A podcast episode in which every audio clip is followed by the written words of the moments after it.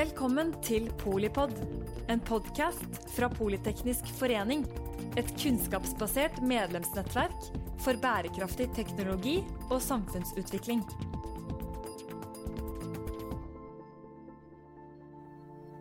Dette er den tredje av tre episoder fra lanseringen av AI-klinikken i Halden. I denne episoden møter du tre studenter fra Høgskolen Østfold, og du får høre løst og fast om deres tanker rundt studiet, jobbutsikter og teknologisk utvikling. Velkommen til Polipod, og velkommen til våre tre gjester. Eh, I dag har vi med oss Andreas Dovland. Han er tredjeårsstudent. eh, Innovasjon og prosjektledelse ved Høgskolen i Østfold. Eh, Og han er også praktikant eh, i Smart Innovation Norway. Og så har vi med oss Elise Eriksdatter Mojord. Hun er også tredjeårsstudent på innovasjon og prosjektledelse ved Høgskolen i Østfold. Eh, Og hun er praktikant i Flowit. Eh, Sist, men ikke minst har vi Joakim Wu. Eh, Han er andreårsstudent ved digital media og design. Eh, Og han er også lokallagsleder for NITO-studentene i Halden. Eh, Velkommen skal dere være. Takk. takk, takk. Eh, Jeg tenkte til å begynne med, så kunne dere fortelle litt om eh, hva dere jobber med, og hvorfor dere liker det. Greit, jeg kan starte. Um, Jeg jobber i eh, Venture i Smart Innovation Norway. Som er, eh, er en inkubator og en akselerator for eh, oppstartsselskaper. Eh, Så det vi essensielt jobber med, er at vi hjelper gründere og unge selskaper eh, med å finne gode strategier, finne investorer, hente finansiering. eh, Og på en måte hjelpe dem i hele prosessen fra idéstadiet til ut i markedet, og så videre med skalering. Eh, Jeg syns det er gøy, fordi det er en veldig spennende måte å jobbe på. Eh, Jeg er veldig glad i å lære nye ting og finne nye, nye typer temaer og selskaper å sette meg inn i. Så på den måten så får jeg alltid lært noe nytt når vi jobber med nye typer selskaper. Mhm, Veldig spennende. Hva med deg, Elise? Ja, jeg er jo da starta som praktikant hos Flowit i sommer. Eh, Det er da et konsulentselskap som jobber med implementeringen av Lean i andre bedrifter. Eh, Så der arbeider jeg, hovedsakelig med interne forbedringer, og begynner nå å jobbe meg litt mer utover, da, så jeg skal hjelpe Flowit sine kunder etter hvert. da. Ja, jeg hver sitter i frivillig vær på i Halden. Og vi arrangerer jo kurs og sosiale arrangementer for våre NITO-medlemmer. Og det er jo NITO hjelper jo liksom med både studenter for å komme seg ut i arbeidslivet. Hjelper med gratis søknad og det er jo gratis legehjelp og mye mer eh, goder. Mm. Så Pluss at det får veldig stort nettverk for å være medlem i NITO. Ja. I tillegg til eh, Politeknisk forening. Ja. ja, og hovedgrunnen til at eh, jeg har med meg tre studenter i dag, er også fordi eh, Politeknisk forening skal etablere et nytt kunnskapsnettverk eh, for unge og studenter. Og siden vi er i Halden og rett på utsiden av Høgskolen i Østfold, så lurte jeg på om dere kunne snakke litt om hvorfor folk burde studere innovasjon og prosjektledelse eller eh, medie- og eh, digitalt design. Jeg kan snakke på vegne av innovasjon og prosjektledelse. Eh, Og min opplevelse der er at jo lengre ut i studieløpet jeg kommer, jo mer relevant blir studiene i forhold til samfunnsproblemene og de politiske føringene eh, som kommer. Sånn som hver gang jeg leser en ny stortingsmelding, eller leser i nyhetene, eller er på en slags klyngesamling eller et seminar, så snakker de mer og mer om alle disse tingene vi studerer. Alt Mm. fra innovasjonsfag, men spesielt digitalisering, smarte byer, sensorteknologi og datasikkerhet og privat eh, eller personvern. det er liksom, det jeg merker også på digitale medier, at du, liksom, du lærer liksom veldig mye praktisk. Så du kan liksom ut i arbeidslivet med en gang. på en måte. Og det er jo som er bra med Halden, at det, det er jo ganske mye startups og, sånn, og små bedrifter. Og det er jo veldig vanlig med å ha bedriftspraksis, som jeg tror dere har nå. Stemmer. Ja. For det er gjennom skolen, de praksisplassene dere har? Ikke for meg. Nei, ikke meg heller. Ok. Men veldig mange andre har bedriftspraksis bedriftspraksis som en del av studiet, og Mm. studiepoeng for det. Ja. Ja, for tredje året så får vi valgevner, Så da velger noen bedriftspraksis, da. Mm.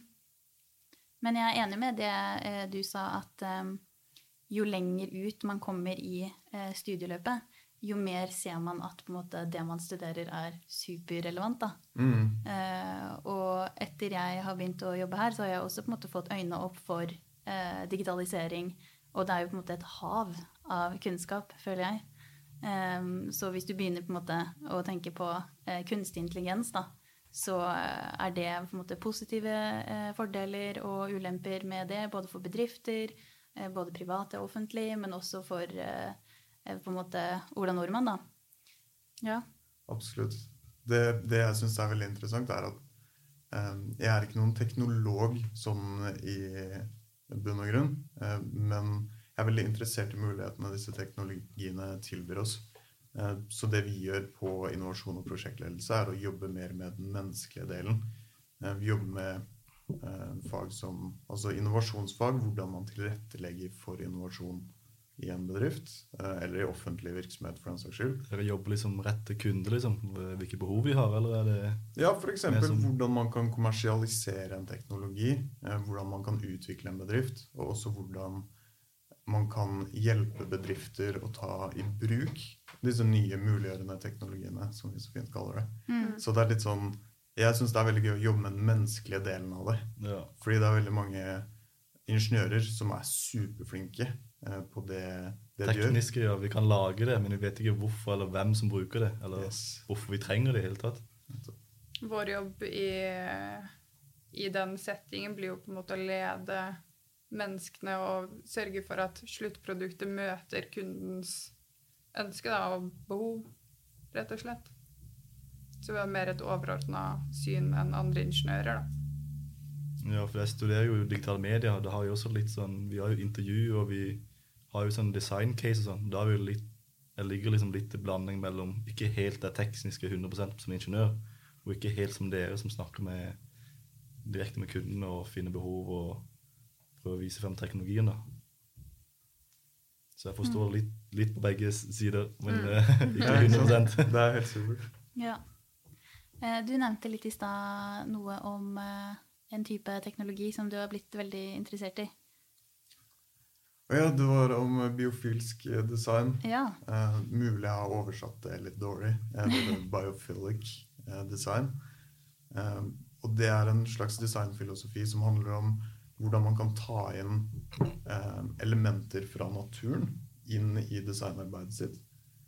Um, som kanskje er en litt sånn motsetning til f.eks. med arkitektur. da, I motsetning til det veldig sånn postmoderne, sånn som har vært veldig inn de siste årene. Som er veldig mye kubisme og litt sånn harde former, eh, betong, den type Mm. ting. Um, så går eh, den biofilske designspråket er mer sånn tar inn ujevne former som kan minne om eh, hvordan naturen ser ut, med trær, blader, plantevekster osv. Og, og det viser seg at dette har en veldig positiv innvirkning på folks sinnstilstand og helse. Eh, Så jeg syns det er veldig kult å se mer og mer sånn som eh, Byhaven-prosjektet i Fredrikstad. Så har de lagt opp til at det er veldig mye sånn grønne tak, grønne lunger, Mm. den type ting. Eh, og jeg tror det er veldig viktig for samfunnshelse. Eh, jeg hørte senest på en podkast i morges hvor de snakker om at altså en del av øyet ditt er faktisk hjernen. Og er ikke bare kobla sammen, men er faktisk en del av den. Og vil bli veldig påvirka av tingene du ser. Så hvis alt du ser er stygt, så er det i hvert fall teorien at det vil ha en veldig negativ innvirkning på helsa di. Ja, fordi jeg merker det siste år, så er det jo vanlig å ha sånn planter nå veldig inn og, og ha i rommet og i stua. Der føler liksom du får litt mer energi og bare være der. Positiv energi, da. Mm. Ja, Ja, jeg, jeg gikk jo på Steinskolen, eh, barneskole og ungdomsskole. Der i byggene hvor man bygger steinskoler, det er ingen rette linjer. Nei, det har jeg hørt. Mm. Er det sant? Ja. Er det bra, eller er det ja, positivt? altså Det blir jo en helt annen Det er jo ikke en kubeforma sånn som alle andre klasserom. Ja, jeg skjønner. Her er jo litt, litt kube. Ja, ja men det er, litt sånn, det er litt mer farger. Litt mer sånn natur som du snakker om. Da. Fargene er typisk sett naturfarger. Det er ikke noen sterke farger heller. Ja, og Det symboliserer jo litt sånn den filosofien Steinerskolen har. da. At du ikke skal bli satt i eh, på en måte en boks. Eller eh, verden har ikke på en måte sånn klare ja, At du kan rammer. vokse, liksom. liksom Mm, det er vel det. Uten Ja, begrensning. altså en del av det. Det, har, det er jo veldig mange deler ved den filosofien, selvfølgelig. Ja. Men jeg merker veldig sånn under studiet at jeg har fått, hatt en fordel av å ha gått Steinskolen. Ja. Spesielt når det gjelder kunnskap, fordi man måler kunnskap på en helt annen måte enn i offentlig skole. Mm. For typisk sett i offentlig skole så blir, får du en bok, du skal pugge den, og så skal du gjengi den på eksamener. Sånn er det ikke på Steinskolen. Nei. Vi får jo ikke lærebøker engang. Det er læreren som står for å undervise alt vi skal kunne. Og det går ikke gjennom typisk sett pugging. Nei. Og du blir blir mer praktisk enn teoretisk, liksom. Ja, på en måte. Og så i tillegg så blir du da målt på utvikling overfor hva du kan gjengi, gjengi fra en bok, da. Mm. Så jeg har satt veldig pris på det sånn i organisasjonsutviklingsfaget, da. Mm. For har gitt meg en helt annen forståelse for alle mennesker, da. Man har blitt en sånn kreativ tenker, Ja, nesten. jeg vil si det. Mm. Nei, men det er spennende. Mm. Eh, dere som ikke har gått eh, Steinerskolen, da? Ja, jeg har studert litt overalt, liksom. Så jeg har bodd både i Stavanger og Kristiansand og Oslo. Studert litt her og der. Så. Mm. Men eh, jeg har møtt mye forskjellig. Ja. Men jeg syns også det er bedre med sånn For jeg er ikke en person som klarer å lese, pugge og uh, bare huske det. Jeg er mer som lærer ved å se, da. Grafisk, liksom. Mm. Så jeg, når jeg studerte i stad, jeg liker å liksom tegne og bruke farger og sånn. Og notere. Ja. Og da lærer jeg bedre, da. Ja. Jeg tror det er på en måte viktig å um, ha en litt sånn tverrfaglig bakgrunn, kanskje, hvis man skal eh, studere innovasjon og prosjektledelse, da. Eller at det i hvert fall er en fordel. Eh, fordi man må jo måte klare å sette litt sånn komplekse saker sammen. Eh, I hvert fall hvis man skal være en prosjektleder, kanskje. Helt klart. Og man er jo på en måte like mye generalist og tverrfaglig når man kommer ut. Eh, Så det er det veldig mange fra vårt studie syns er både spennende, men også utfordrende, er at verden er litt åpen, da. Man kan jobbe med alt mulig rart. Du Så- kan jobbe med entreprenørskap, forbedringsarbeid, innovasjon, altså you name it, i alle sektorer. Og da, da er det vanskelig å ta et valg om hvilken vei du skal gå, da. Mm. Men det blir gøy, da. Her kan jeg liksom bytte liksom, når som helst. Bytte jobb, liksom. Så der har du Det blir jo ikke lei av jobben deres. Dere kan alltid bytte og drive med bygg eller drive med noe helsegreier eller Mm. Og Sånn sett så er vi litt tilbake til hvorfor noen burde gjøre det. Og jeg tror virkelig på at denne typen utdanninger er framtidens utdanninger. Fordi Det er veldig, det er veldig bredt, liksom. det er veldig bredt, og du kan alltid utvikle deg og hoppe videre, bytte bransjer, gå inn i nye ting. Mm. Eh, Så hvis Det er sant, bytte bransjer er uh... Jeg tror det er veldig viktig. liksom, for jeg merker og høre så folk i liksom, 40-50 år, de kjeder seg, eller jobber, du jobber samme år i 30 år. liksom. Mm. Du, blir, liksom, du lærer ikke noe mer, utvikler deg videre. liksom, Du kjeder Du lærer ikke noe mer, ellers Nei, så blir du ekspert. Ja, eller det, eller det. Men det er ikke så mange som er der, tror jeg. Nei. Det er ikke sikkert vi har samme luksusen, at det er mulig for oss, eller ikke minst våre barn, da.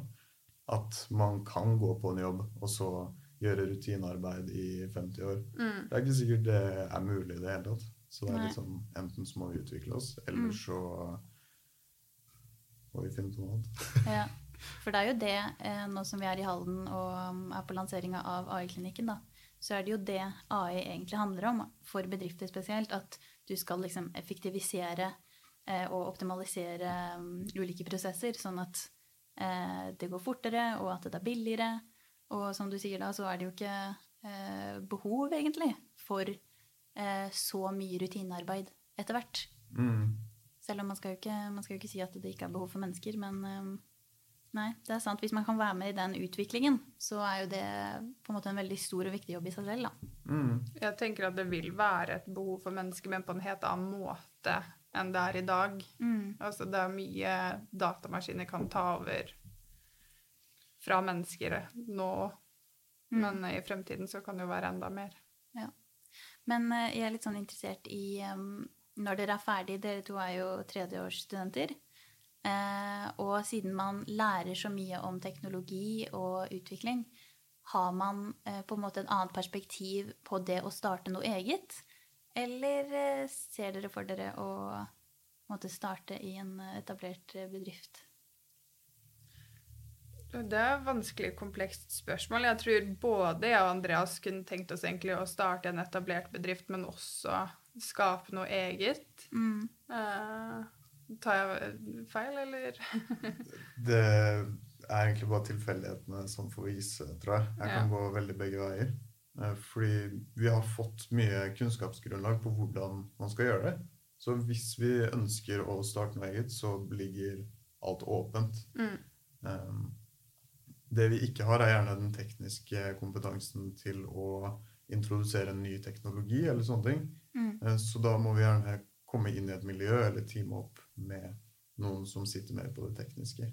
Det er det som er bra her. liksom, Du har så mange forskjellige linjer. da, Digitale medier, så har du informatikk og informasjonssystem. og Innen data- datasikkerhet, f.eks. Jeg skal jo ha VR for eksempel, neste år. og det er jo, Mm.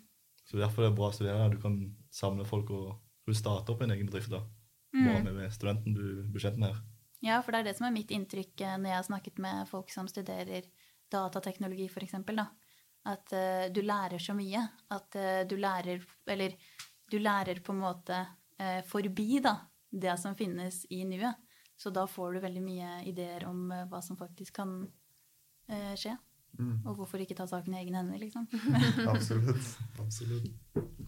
Jeg syns det er en veldig interessant diskusjon det om hvordan eh, disse nye teknologiene kommer til å påvirke oss sånn arbeidsmessig i framtiden.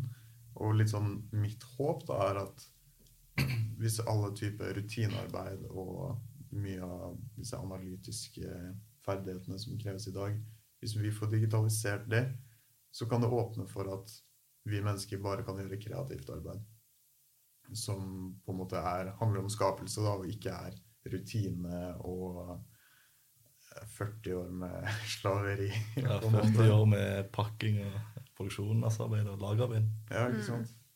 Og det, Men det som er bra med det, så sparer liksom Jeg har jobba i lager da, før jeg begynte å studere. Og det er sånn, hvis du jobber i sånn 20-30 år, kroppen din blir jo ødelagt. Mm. Og hvis du får sånn automatisering av det, så slipper du liksom å skade oss selv liksom, mm, med å jobbe. Ja. jeg syns også det er litt viktig å innse at vi sitter jo på en måte i en veldig spesiell posisjon som jobber med disse nye teknologiene og på en måte er på the cutting edge. Jeg tenker også det er viktig å huske på de som kanskje helst vil jobbe på et samlebånd og ikke er interessert i disse tingene. Og hvordan vi skal få med oss dem i samfunnsutviklinga. Mm. For hvis alt vi tenker på er AI og blokkjede, liksom, eh, så vil vi kanskje gå glipp av veldig, veldig eller vi, vi, Mange vil dette av lasset, da. Ja, jeg tror også det. det men jeg tror det tar litt tid, liksom, fordi jeg tenker det, kostnad er jo alltid bedriften sin er kostnad. Liksom. Hvis det er for dyr, så gidder du ikke effektivisere. Mm. Mm. Sant. Har dere noen favoritt eh, eh, da? Som eh, dere har eh, sett i det siste, eller eh, Jeg så på sånn bedriftspresentasjon Sopasteri hadde, om Mm. noe sånn eh, Hva heter det? Du har sånn briller, så ser du liksom De, har sånn, de kan skanne liksom, pasientene i sykehus. da, Skanne Ah, ja. sånne organer. Og så får du frem i sånn virtuell liksom, halvveis foran deg. Så liksom, du skanner hjertet. Og så, kan Så de ser du operere- hjertet de, de ser gjennom VR? Ja, gjennom VR. da, Så de kan liksom operere på hjertet med, digitalt da, i, måte, i spill. Ah, Før ja. de gjør det praktisk. da. mm, Så det syns jeg er veldig interessant. Ja. Det er kult. Så i stedet for praksis, så har Nei, man Istedenfor VR. i stedet for å øve på griser eller øve liksom det er sånn, Da kan du øve liksom på et spill. liksom. Du kan feile så mange ganger du vil, Mm, men det er ingen som tar skade av det. mm, Så kanskje du får bedre leger og flere bedre kirurger osv. Liksom. bedre dyrevelferd. Ja, det også, kanskje. Ja. Jeg prøver å tenke på noen. Eh, Jeg kommer egentlig bare på Vi har jo vært eh, Hva heter det? På Moss Miljø prosjektassistenter på Moss Miljøfestival, hvor vi sto for å hente inn masse forskjellige aktører. Uh, Og vi fikk egentlig med oss Ask og Drone, som, uh, men de trakk seg i siste lita, dessverre. For det passa ikke. Uh, Men De har jo da skapt en gigantisk båt som er automatisert og AI, holdt jeg på å si. Herregud, jeg det. automatisk, liksom. Ja, øh, og den skal da frakte lastebiler mellom Moss og Horten. Lastebiler. Ja, Ah, ja. Så Det er- ingen, ingen som styrer båten, altså. det er en drone. Eller det kan hende at de styrer den fra land, det skal jeg faktisk ikke si eh, hva jeg vet om. Men øh, hovedsakelig så er det jo en drone. Så det er et ganske stort prosjekt. Mhm. Veldig kult. Ja, kult. Det er liksom eh, skikkelig sånn hurtig utvikling, eh, føler jeg, på Mm. den fronten. Mm. At hvis man ser på Innovasjon Norge og ser liksom hvem som har fått bevilga penger, så er det jo masse kule prosjekter eh, som er up and coming. Mm. Hva med deg? Uh, jeg er ganske lett å imponere. Jeg kjøpte meg nettopp uh, trådløse ørepropper. Dritfornøyd. Eh, men eh, jeg tror kanskje det er blockchain som er det mest interessante for meg. Mm. Um, at eh, ting er veldig volatilt og går opp og ned, det er jo sikkert moro for noen, men jeg er mer interessert i hva det kan bety for um, personlig frihet da, og Mm. økonomisk frihet. Og ikke ha en mellommann. Nettopp. Eh, og også det appellerer til meg at det ikke er sentralbanker som styrer hele verdistrukturen i samfunnet. Mm. Mm, Og jeg tror at blokkjede kan være en veldig viktig brikke i et rettferdig samfunn i framtiden. Mm. Og det er spesielt én type teknologi som eh, Nå må jeg bare nøle ut litt, grann, hvis det går greit. Eh, Men det finnes em, I Ethereum-chainen så er det en funksjonalitet som heter smartkontrakter. Som gjør at hvis X og Y bare Og Ethereum er jo en av de mest kjente kryptovalutaene. Yes, det stemmer. Så det de har fått til der, er at de kan koble en kryptovaluta til en hard verdi. Dvs. Si gull eller sølv eller sånne ting. Og det syns jeg er særdeles eh, interessant. Fordi det de har fått til, er at når et eh, hvelv, eh, som er en del av denne smartkontrakten, kan rett og slett logge inn en gullbare på lager, litt som en vanlig logistikkselskap ville gjort, så fort de får bekrefta dette med bilde og informasjon og kvitteringer osv., så, videre, så kan de sende dette inn i eh, Det heter en ERC20-token for de som er litt eh, interesserte. Og de kan da skape en ny kryptomynt som er tilsvarende den harde verdien de sitter på. Så jeg vil si at jeg kan kjøpe en kryptovaluta eh, variant av fysisk gull, da, f.eks. Så jeg vil si at jeg kan holde på verdier i Men- gull Da eier du gullet, på en måte. da. nettopp, nettopp fordi du eier token som Men du er eier ikke di- gullet direkte. Jo, du- du gjør faktisk det, bare at det er jo ikke ditt hvelv, så det blir litt tilbake til gullstandarden. Så er det noe som lager gullet for deg, men det er du som eier det. Ja, nettopp. Så når du eier den kryptovarianten, så er det på en måte Det kan ingen Ingen kan si noe på det. Fordi det er sånn at hvis du eier de kodene, så kan du ha de kodene på en USB, og ikke engang sentralbanken kan ta det fra deg. Med mindre noe skjer med det hvelvet, da, som er en risiko. Nå er ranten min ferdig. Tusen takk til at du har lyttet eh, til eh, Polipod, og tusen takk til Andreas, Elise og Joakim som eh, deltok i denne episoden. Jeg heter Elise Antonissen, og jeg er programsjef i Politeknisk forening. Takk for at du lyttet til Polipod fra Politeknisk forening. Få med deg flere episoder, eller bli med på nettverksmøtene som du finner på at polyteknisk.